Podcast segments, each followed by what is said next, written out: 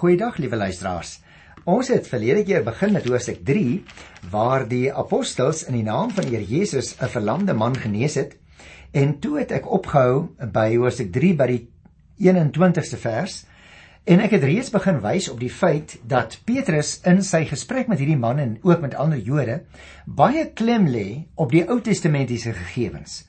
Met ander woorde, Hulle wou juis aan die mense van hulle tyd laat verstaan dat hierdie Jesus van wie hulle nou getuig, die een is wat volgens die profete van die Ou Testament voorsê is. Met ander woorde, dat daar uitsprake was in die Ou Testament wat op Jesus Christus van Nasaret van toepassing gemaak kan word.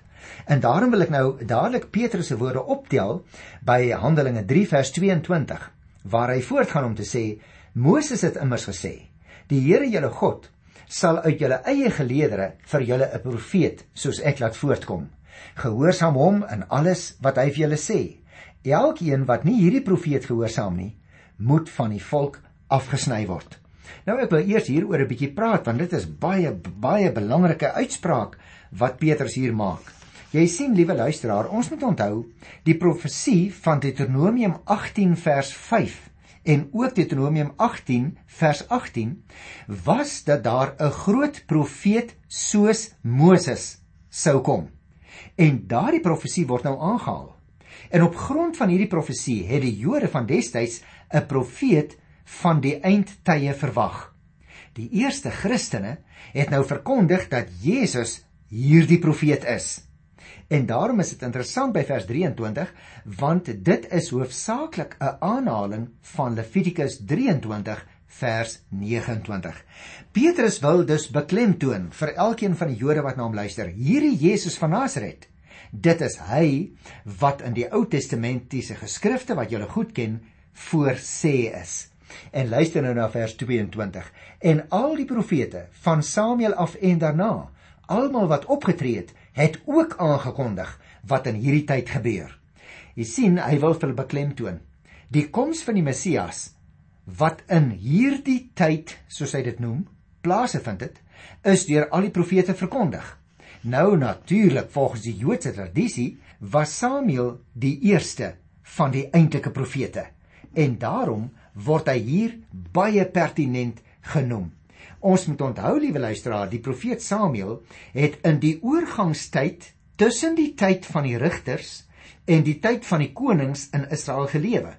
En daarom is hy beskou as een van 'n hele reeks profete wat ook na hom gekom het. Hy was die eerste een. So het die Ou Testamentiese gelowiges hom gesien. En hy het byvoorbeeld ook vir Dawid tot koning gesalf en daarmee natuurlik die geslag van Dawid tot koninklike geslag gesalf en verhef. Daar was dus die verwagting dat die Messias uit die geslag, naamlik die geslag van Dawid, gebore sou word. En dit bring my dan by die 25ste en die 26ste vers. Luister mooi. Die dinge waarvan die profete gepraat het, is vir julle bedoel. En julle deel aan die verbond wat God met julle voorvaders gesluit het. Hy het vir Abraham gesê: "Jou nakomeling sal vir al die volke van die aarde tot 'n seën wees. Daarom het God sy dienaar na die wêreld toe laat kom en hom heel eerste na julle toe gestuur om vir julle tot 'n seën te wees deur elkeen van julle van sy verkeerde weë af terug te bring. Nou dit is 'n baie belangrike opmerking. Want Petrus beklemtoon hier dat die Here Jesus aanvanklik in die eerste plek gestuur is vir die Jode. Hoekom? Omdat God 'n verbond gesluit het met die voorvaders van die Jode. Daarom beskou die Here Jesus homself in 'n besondere sin aan die Joodse volk verbonde. En daarom het God ook sy seun gestuur, het ons nou net gelees, heel eerste na die Jode toe. Met ander woorde, God se belofte aan Abraham word uit Genesis 22 vers 18 aangehaal hier. En Jesus word nou beskryf as die nakomeling van Abraham. Met ander woorde, in Christus het die beloftes aan Abraham in vervulling gegaan. Dit is Petrus se argument. Jesus word terselfdertyd ook die dienaar genoem. Ek het verlede keer daarop gewys toe ek vers 13 behandel het en eh, toe ook vir u daarop gewys, u sal nog onthou dat veral in Jesaja 52 vers 13 tot by 53 vers 12 daar gepraat word van die dienaar van die Here en nou haal Petrus daardie Ou Testamentiese profesie aan en hy sê dit is vervul in Christus. Ek wil net 'n laaste opmerking maak. Hier staan Jesus seën julle. Dit is dus vir ons, liewe luisteraar, wat die geseënis van die Here is, nie net deur ons sondes te vergewe nie, maar ook deur ons te help om met ons sondige lewens te breek. Daarom moet jy en ek ook nie voortgaan met ons sondes nie, want God het ons in Christus geseën met al die seëning wat daar in die hemel is. So skrywe Paulus in Efesiërs 1 vers 3. Jy sal nog onthou om dit net saam te vat. God het vir Abraham alreeds beloof dat hy die hele wêreld deur sy nageslag, dus Israel, sou seën. Gaan kyk weer in Genesis 12 vers 3. Dit sou die volk wees waaruit die Messias gebore sou word. En daarom wou die Here hê dat Israel anders as die res van die wêreld moet wees, dat hulle 'n heilige volk moet wees wat vir die ander nasies van God moes leer. Die Messias aan hulle moes voorstel en daarna sy werk in breër verband op die aarde moes voortsit. Maar die Jode wou hom nie aanvaar vir wie hy was nie. En nou gaan die boek Handelinge voort met 'n baie interessante gedeelte by die 4de hoofstuk. Die opskrif daarvan is Petrus en Johannes voor die Joodse Raad. Nou ter inleiding wil ek net as agtergrond sê, ons het hier te make, liewe luisteraars, met die baie spannende verhaal van hoe die Joodse Raad die apostels probeer intimideer om op te hou met die verkondiging van die evangelie. Die vertelling bereik uiteindelik sy hoogtepunt in vers 19 as die twee apostels die raad vreesloos gaan meedeel Ons sal God gehoorsaam en nie vir julle nie. Maar kom ek begin dadelik by vers 1 want ons kry hier interessante gegevens en daarbey wil ek bietjie stil staan. Is Handelinge 4 vers 1. Petrus en Johannes was nog besig om met die mense te praat toe die priesters, die bevelvoerder van die tempelwag en die Sadduseërs op Petrus hulle afstorm. Nou moet ons onthou luisteraars, teken nou weer die prentjie, né? Hierdie priesters was vooraanstaande mense. Baie van hulle was natuurlik familielede van die hoë priester en hulle het baie aansien en invloed onder die mense van daardie tyd gehad in Jerusalem. Die tempelwag was wagte wat buite die tempel moes wag staan om te verseker dat die orde gehandhaaf word. Die Sadduseërs was natuurlik nou lede van die Joodse party, afkomstig uit vooraanstaande priesterfamilies en ook uit die vooraanstaande uh vlakke van die samelewing. En hulle het natuurlik 'n baie streng wetsvervulling gehandhaaf en hulle het geen bykomende of tradisionele voorskrifte aanvaar nie. Daarom het hulle ook nie in die opstanding uit die dood geglo nie. Ons moet ook onthou, liewe luisteraar, die mense wat gesorg het dat Jesus gevang en verhoor word en ook uiteindelik gekruisig word, het hoofsaaklik uit hierdie drie groepe mense gekom.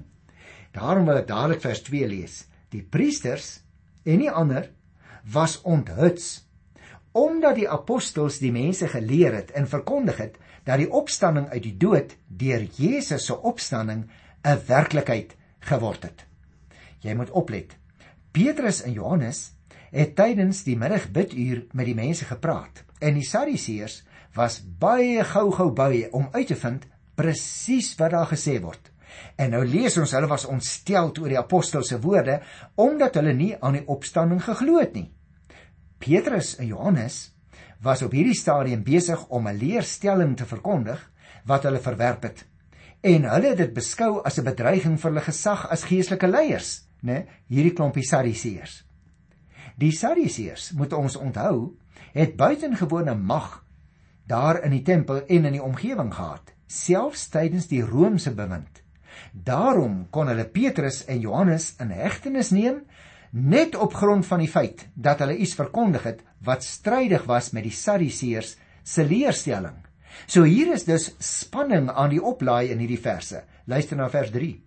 Hulle het Petrus en Johannes gevange geneem en hulle, omdat dit al laat was, in die tronk gesit tot die volgende môre. Nou liewe luisteraar, Jy en ek sal waarskynlik nie dikwels soos Petrus en Johannes hier in die tronk beland omdat ons vir Christus getuienis gelewer het nie. Mag die Here ons bewaar dat dit altyd so sal bly in hierdie land waar ons woon. Daar is natuurlik egter altyd 'n risiko, hoor. Juis 'n risiko daaraan verbonde as ons ander mense na Christus toe begin lei. Ons sal dalk nog bereid wees om so stilletjies in die nag in die tronk deur te bring as 2000 mense daardeur tot bekering kan kom. Maar maar mag ek vir jou 'n vraag vra? Moet ons nie ook bereid wees om te ly as een enkele mens daardeur gered kan word nie? En daarom as ek hierdie eerste 4 verse van Handelinge 4 mag saamvat, wil ek net vir jou daarop wys. Die preek was nog nie klaar nie of die twee apostels word in hegtenis geneem deur 'n klompie mense wat in die tempel die sê gehad het. Die tempelwag van wie ons gelees het, was so 'n klompie beamptes wat die orde moes handhaaf daar by die tempel. Hulle hoof was in rang net onder die hoëpriester. En nou moet ons onthou die Sadduseërs was juis die Joodse party wat afkomstig was uit die aanstaande priesterfamilies en uit die invloedryke lewe laag van die samelewing. Die beamptes is nou kwaad omdat die apostels preek dat die opstanding van alle mense uit die dood begin het met Jesus se opstanding. Iets waaraan die Sadduseer glad nie geglo het nie. Die Nuwe Testament, liewe luisteraars, moet ons onthou, leer natuurlik deurgaans dat ons nou reeds in Jesus 'n voorsmaakie het van wat met die wederkoms gaan gebeur. Die apostels moet nou in die tronk slaap vir hulle getuienis. En nou na die eerste publieke toespraak was daar 3000 gelowiges. Dit moet ons nie vergeet nie. Ons het van hulle gelees in Handelinge 2 vers 41. Na die tweede toespraak van Petrus het die getal nou gegroei na omtrent 5000. En dit bring my nou by vers 5 tot 7. Ek wil hier ook so 'n bietjie stil staan want hier's belangrike goed die volgende môre die raadslede, die familiehoofde en die skrifgeleerdes in Jerusalem vergader. Ook die hoë priester Annas en Kajafas, Johannes, Alexander en al die ander lede van die hoë priesterlike familie was teenwoordig. Hulle die apostels voor hulle laat bring en hulle ondervra. Deur watter krag en in wiese naam het julle dit gedoen? Nou kom ons gesels eers in die algemeen en dan gaan ek 'n paar detail opmerkings maak want vers 5 tot 7 vertel vir ons die volgende dag vergader die Sanhedrin. Nou onthou nou, die Sanhedrin se ander naam is die Joodse Raad. En dit was 'n raad wat waarskynlik 71 lede getel het en dit is gelei deur die hoë priester. Hy was die voorsitter. Die raad tussen hakies liewe luisteraars het uit 3 groepe bestaan. Te wete priesterhoofde, dit wil sê die leier priesters. Dan was daar tweedens die familiehoofde Dit was nou invloed invloedryke leiers of leuke van belangrike families en dan was daar derdens die skrifgeleerdes. Daar was dus drie groepe wat stemreg gehad het op die Sanhedrin: die priesterhoofde, die familiehoofde en die skrifgeleerdes. Nou moet ek ook dadelik by sê, liewe luisteraar, ons is nie seker wat Lukas hier met die raadslede bedoel nie. Maar ons kan vermoed dat dit priesterhoofde is wat blykens vers 23 wel teenwoordig was. In vers 6 en ek gaan nou nog meer in detail daarna kyk, word enkele lydende priesters by die naam genoem. In hierdie stadium het Annas al afgetree as hoëpriester. En Kajafas was op hierdie stadium die eintlike hoëpriester. Maar nou moet ons onthou, Annas Die vorige een het nog baie baie groot aansien in Jerusalem geniet want hy was 'n baie populêre hoëpriester in sy tyd hierdie Annas. Nou wil hulle weet in wie se naam. Met ander woorde, deur wie se krag doen julle hierdie wonderwerke? Hulle vra pertinent, watter krag was dit? En van wie was hierdie krag afkomstig? Jy sien, liewe luisteraar, ons moet onthou dit was hierdie selfde Joodse raad wat natuurlik later ek ek raal dit was natuurlik hierdie selfde Joodse raad wat vroeër deur Jesus ter dood veroordeel het. En ek soos ek nou net verduidelik het, daar was verskillende groepe uit die maatskappy wat op hierdie raad sitting geneem het. Annas, soos ek jou nou net gesê, die vorige hoë priester, is deur die Romeinse owerheid van sy pos onthef. En sy skoonseun Kajafas is nou in sy plek die nuwe hoë priester. Ons moet net nie Annas se invloed onderskat nie, want ons het dit al teëgekom tydens die verhoor van die Here Jesus, maar onthou, hierdie man beweeg nog steeds onder die mense. Daarom moet ons weet, sowel Annas as Kajafas het belangrike rolle in die Here Jesus se verhoor gespeel. Hulle was as glad nie ingenome met die feit dat die man wat volgens hulle terwille van die hele volk gesterf het, sulke vreeslose volgelinge gehad het nie. En hulle kon duidelik sien dat hierdie volgelinge net so sterk standpunt kon inneem soos hulle leermeester Jesus destyds standpunt ingeneem het. En daarom sou hulle vir die geestelike leiers 'n ewig groot probleem skep. Daarom moet ons baie goed verstaan, liewe luisteraars, dat die apostels voortdurend in gevaar was. En daarom in die 7de vers het ons gelees, die raadslede wou nou by Petrus en Johannes weet deur wie se krag hulle hierdie verlamde man genees het. En met watter gesag hulle gepreek het. Petrus Johannes se woorde en optrede was natuurlik vir die raadslede 'n bedreiging omdat hulle eerstens oor hulle eie aansien en tweedens oor hulle eie posisies bekommerd was indien hierdie nuwe godsdiens sou inslag vind onder die volk. Petrus het hulle deur die Heilige Gees vreesloos geantwoord. Hy het hulle die versekering gegee dat die een wat hulle gekruisig het, weer opgestaan het.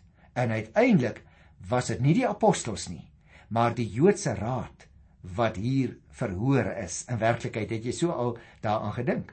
Die apostels was nie meer besig om hulle te verdedig nie, liewe luisteraars, maar hulle was besig om die geestelike leiers te kritiseer en die evangelie boodskap aan hulle te verkondig. En daarom kom ons lees hier van vers 8 tot 12 en daarmee gaan ek dan afsluit uh vir vandag. Want ek wil ook nou nie te veel doen op een dag nie vers 8. Toe sê Petrus vol van die Heilige Gees vir hulle: Raadslede van die volk, familiehoofde, julle verhoor ons vandag oor 'n weldaad aan 'n siek man en oor hoe hy gesond gemaak is. Julle almal en die hele volk Israel moet weet dat dit in die naam van Jesus Christus van Nasaret is dat hy hier gesond voor julle staan. Die Jesus vir wie julle gekruisig het, maar wat God uit die dood opgewek het. Hy is, en nou moet jy oplet hoe word daar weer aangehaal uit die Ou Testament. Hy is die klip wat deur julle die bouers afgekeur is. Juis hy het die belangrikste klip in die gebou geword. Hy bring die verlossing en niemand anders nie. Daar is geen ander naam op die aarde aan die mense gegee waardeur God wil dat ons verlos moet word nie. O, oh, liewe luisteraar, dit is soos musiek in my ore. Ek hoop dit val ook mooi op die manier waarop jy daarna luister. Kom ek gesels met jou so 'n bietjie daaroor. Jy sien Petrus word opnuut met die krag van die Heilige Gees vervul met die oog op die antwoord wat hy moet gee aan hierdie mense wat hom wil verhoor.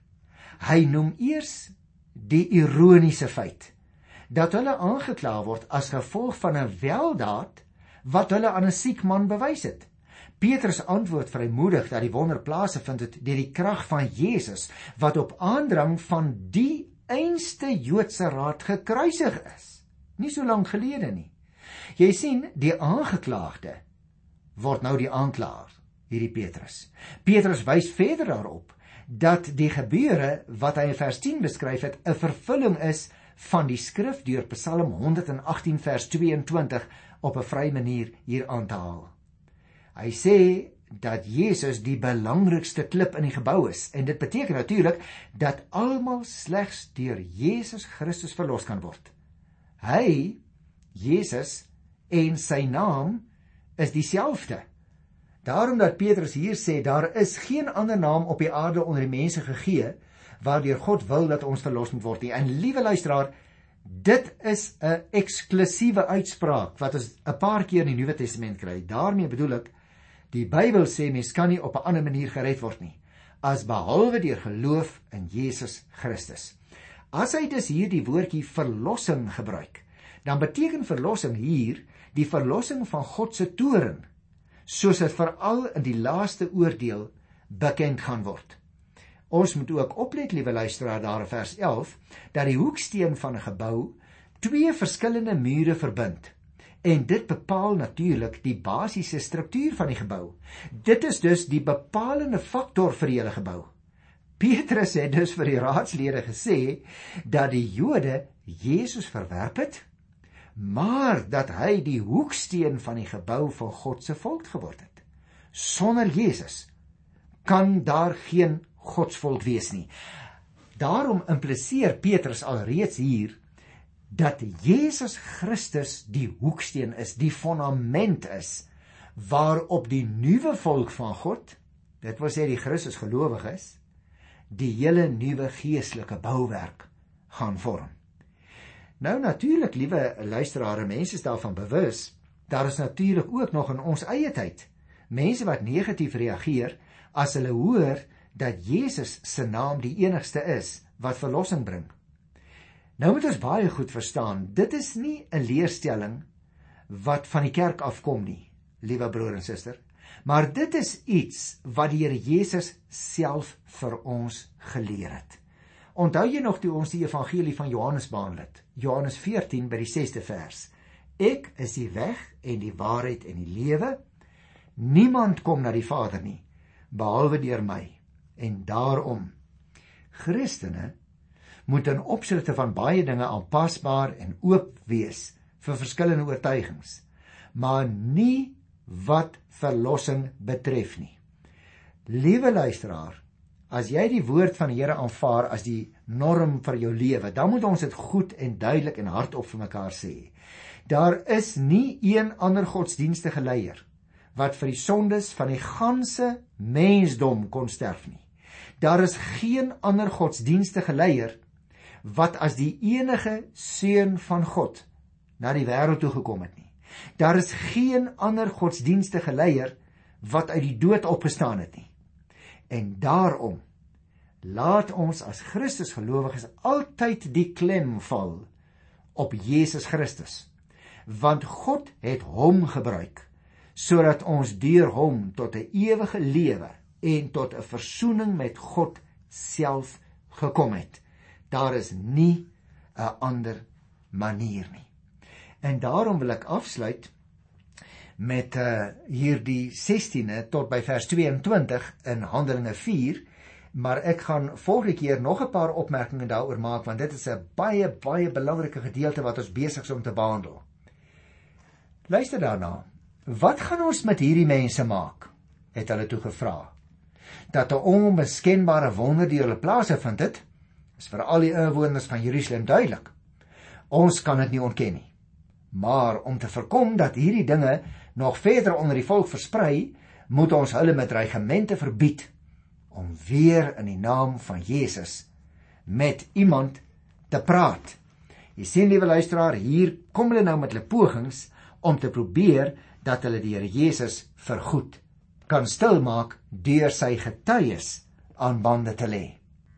Dit is dus baie belangrik dat ons in hierdie twee verse sal opmerk, liewe luisteraars, die hele Jerusalem weet natuurlik dat goddelike krag deur die apostels gewerk het. En daarom besluit die Joodse Raad nou om hulle nie te veroordeel nie, maar om hulle op hierdie stadium slegs te dreig om nie weer met iemand oor Jesus te praat nie. Hulle wil dus die apostels se monde snoer. Ons moet uh, dit baie mooi duidelik insien, liewe luisteraars, want die raadslede het natuurlik baie goed geweet dat Petrus en Johannes doodgewone eenvoudige mense was. Gewone leuke sonder enige rabbynse skoling en onderrig. En daarom was hulle so verbaas om te sien met watter vrymoedigheid hulle hulle self op die skrifte beroep. Lewens wat verander oortuig mense van die almag van die Here Jesus. En dit het die apostels baie goed geweet, want onthou hoe is hulle eie lewens verander. As ander mense vir jou of vir my opmerk. Ek wil jou vraag vra, kan hulle aan ons sien dat ons lewe en ons gesindheid en ons hele optrede verander het nadat ons die Here Jesus aangeneem het? Want as dit so is, liewe luisteraar, dan is dit waarskynlik die kragtigste getuienis wat jy en ek kan lewer Nie wat ons sê nie, né? Maar hoe ons optree en hoe ons lewe.